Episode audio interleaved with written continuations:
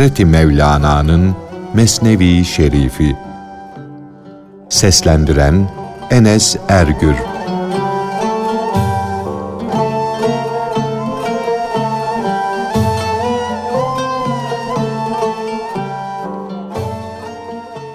Pervane ve Mum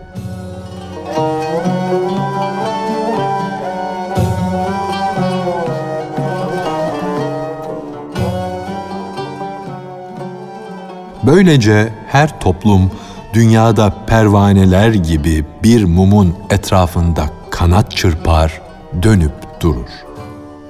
Herkes kendini bir ateşe atar. Kendi mumunun etrafında döner durur. Alevinden ağacın daha da yeşerdiği talili, bahtı yaver Musa'nın ateşini umar durur. Herkes o ateşin lütfunu, faziletini duymuştur da hepsi de her kıvılcımı o ateş sanır. Ebediyet sabahının nuru doğup da her tarafı aydınlatınca, yani kıyamet kopunca, her biri etrafında döndüğü nurun ne biçim bir mum olduğunu görecektir. Fakat kim o zafer mumunda kanadını yakmış ise, o mum o kişiye 80 tane hoş kanat verir. Nice pervaneler gözlerini yumarak kötü bir muma atılmışlar, kanatlarını yakarak onun dibine düşmüşler.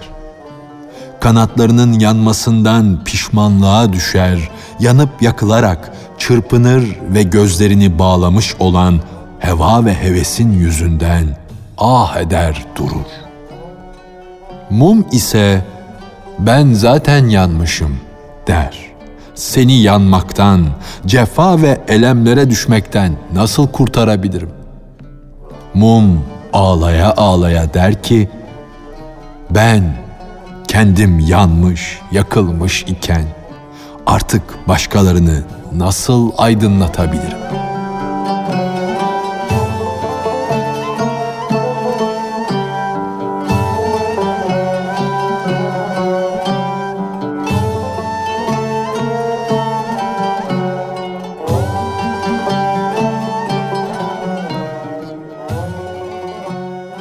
Yazıklar olsun o kullara ki ayetinin tefsiri.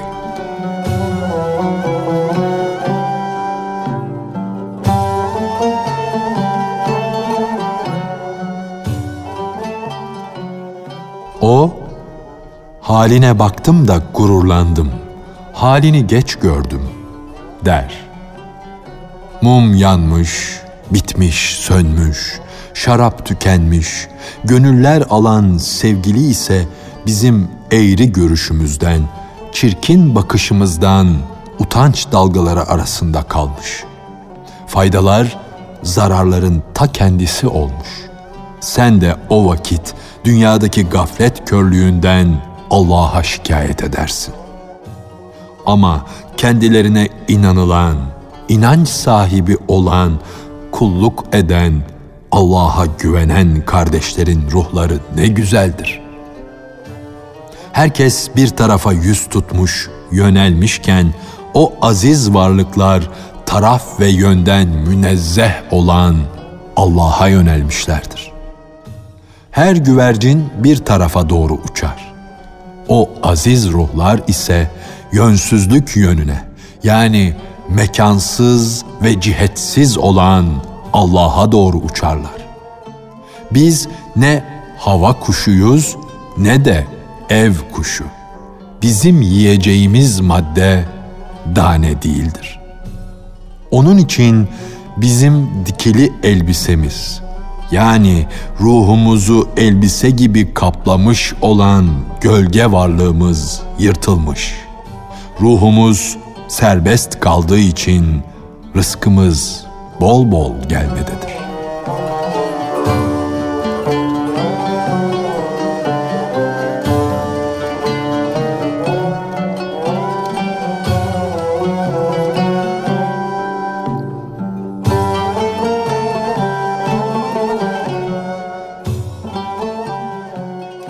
gerçek sufi.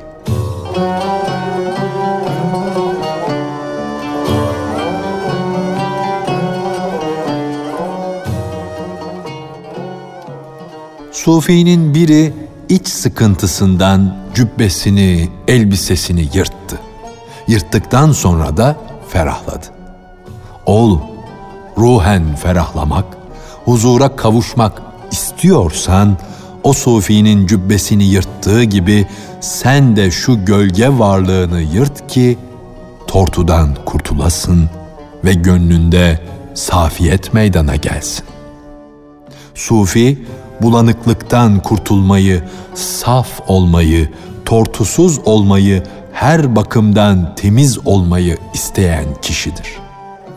Yoksa sufilik sof, aba, yamalı cübbe giymek ve ağır ağır yürümek değildir.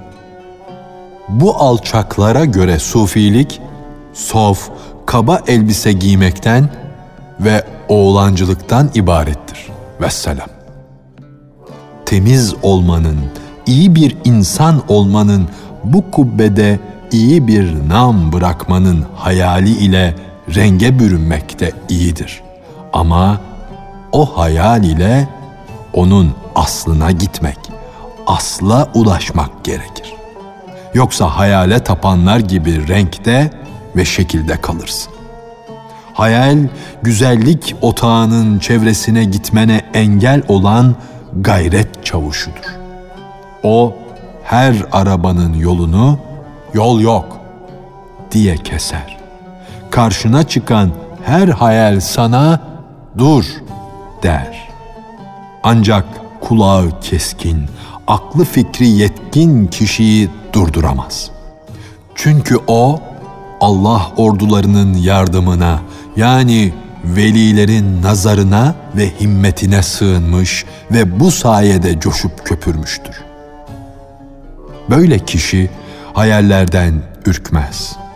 Çavuşa padişahın okunu gösterir. Yol alır gider. Allah'ım bu başı dönmüş gönüle bir çare bul, bir yol göster. Bu yay gibi iki büklüm olmuş ihtiyar kullarına birer himmet oku bağışla.''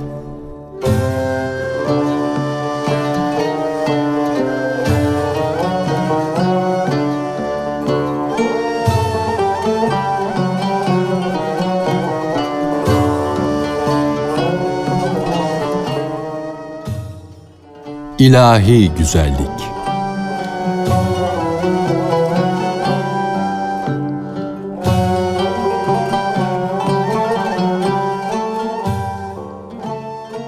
Allah'ım ariflerin, velilerin, Mansur gibi yüce kişilerin içtikleri o gizli kadehten, o ilahi aşk şarabından bir yudumcuk yeryüzüne serptin o bir yudumcuk şarap, yeryüzünde bulunan bütün güzellerin saçlarına, yüzlerine sıçradı.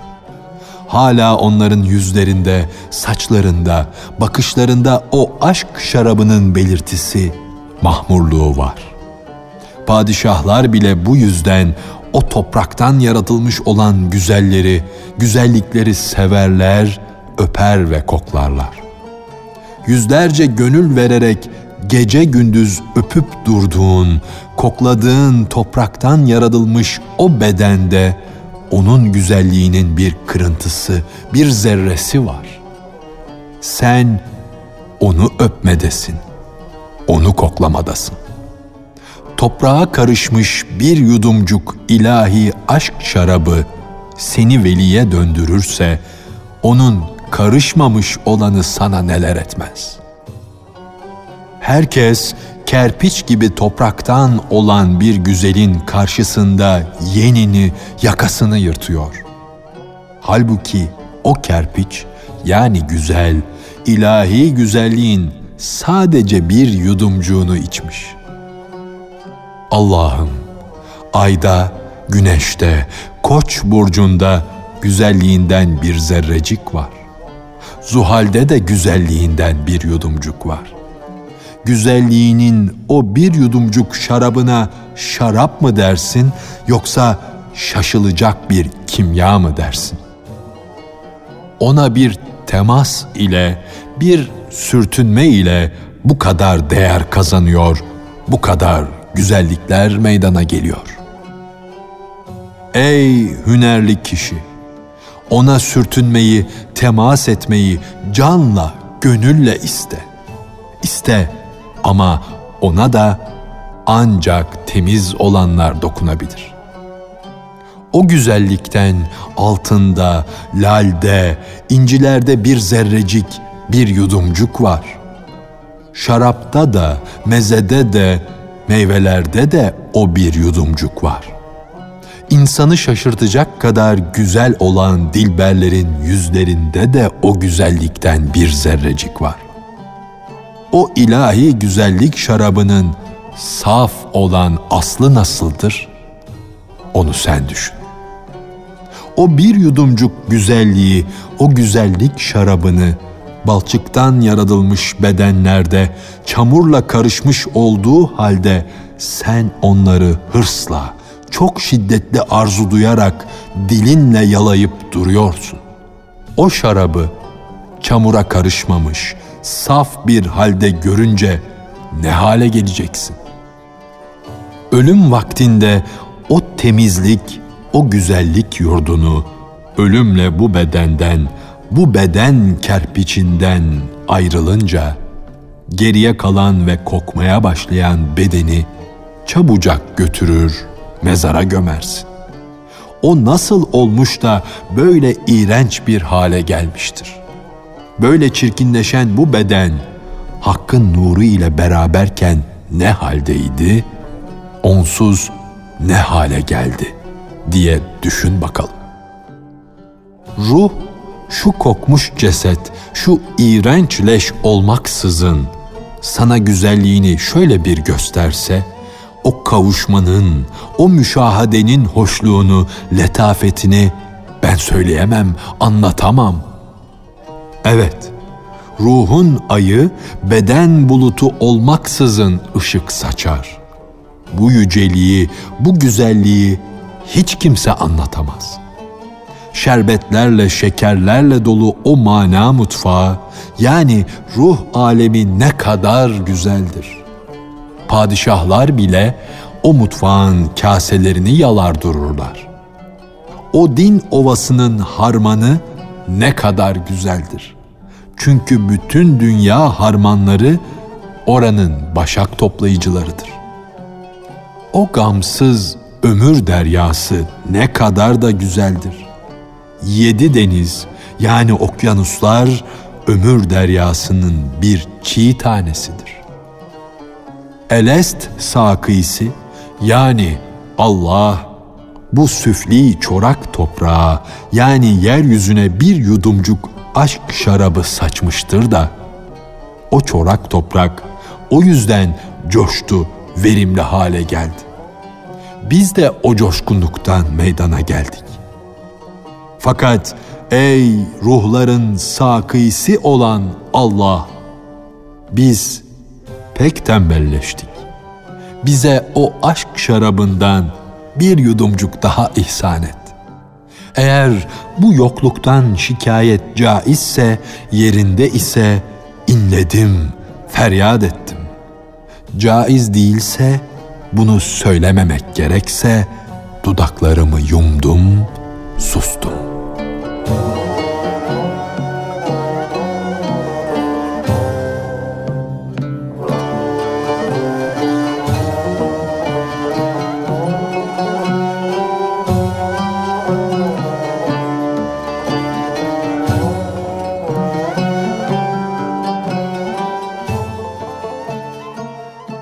Allah'ın lütfunu ve kahrını herkes bilir. Herkes Allah'ın kahrından kaçar, lütfuna sığınır. Fakat Allah kahrını lütfu içinde, lütfunu da kahrı içinde gizlemiştir.''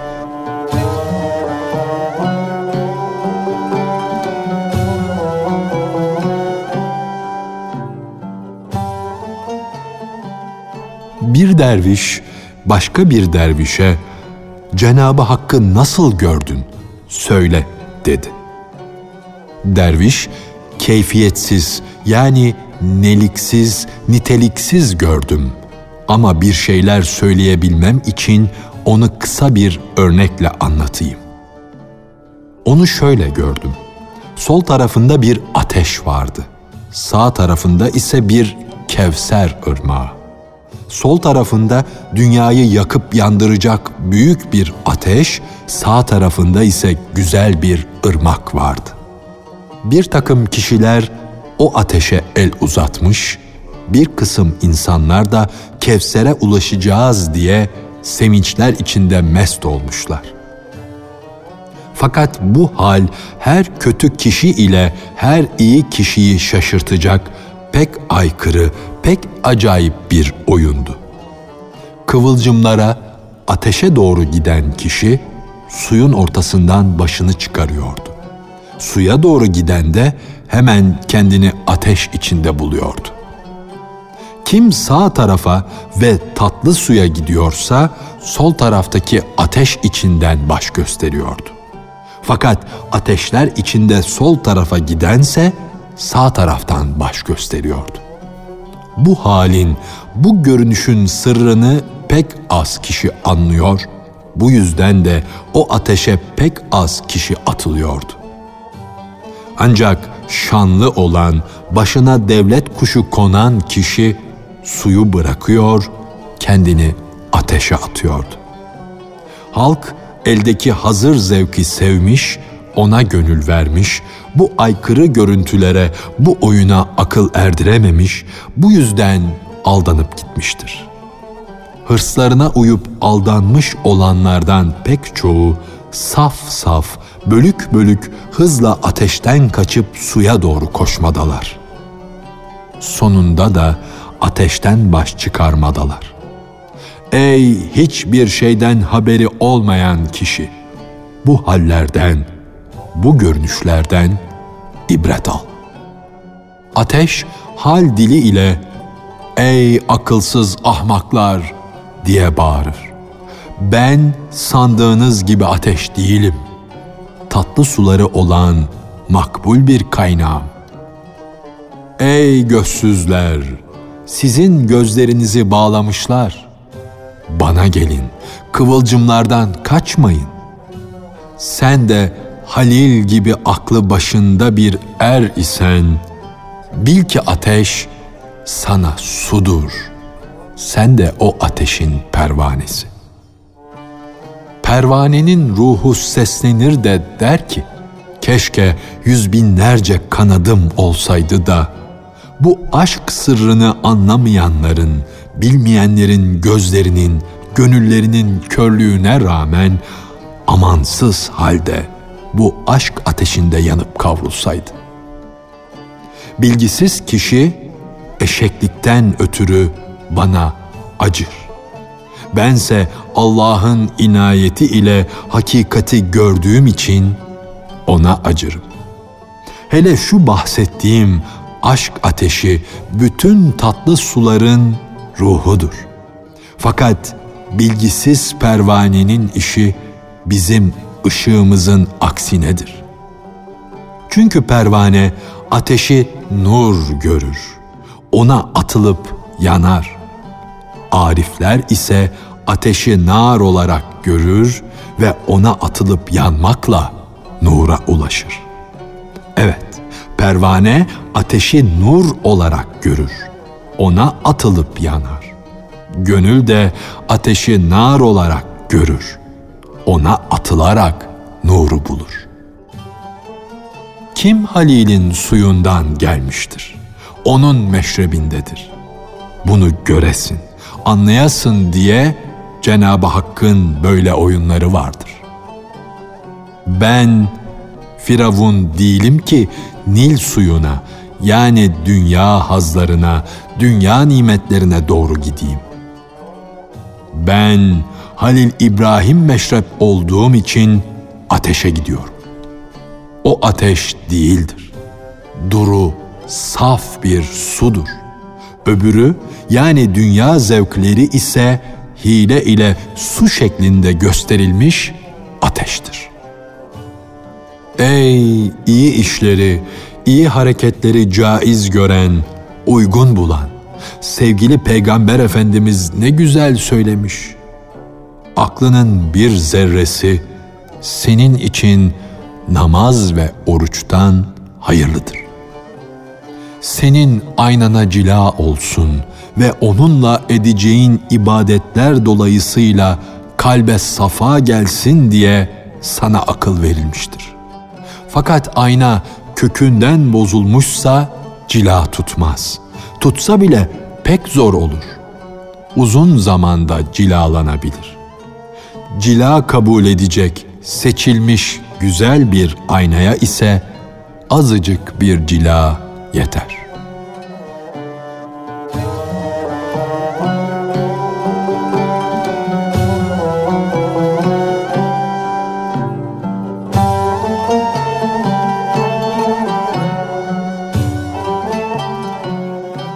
Hazreti Mevlana'nın Mesnevi Şerifi Seslendiren Enes Ergür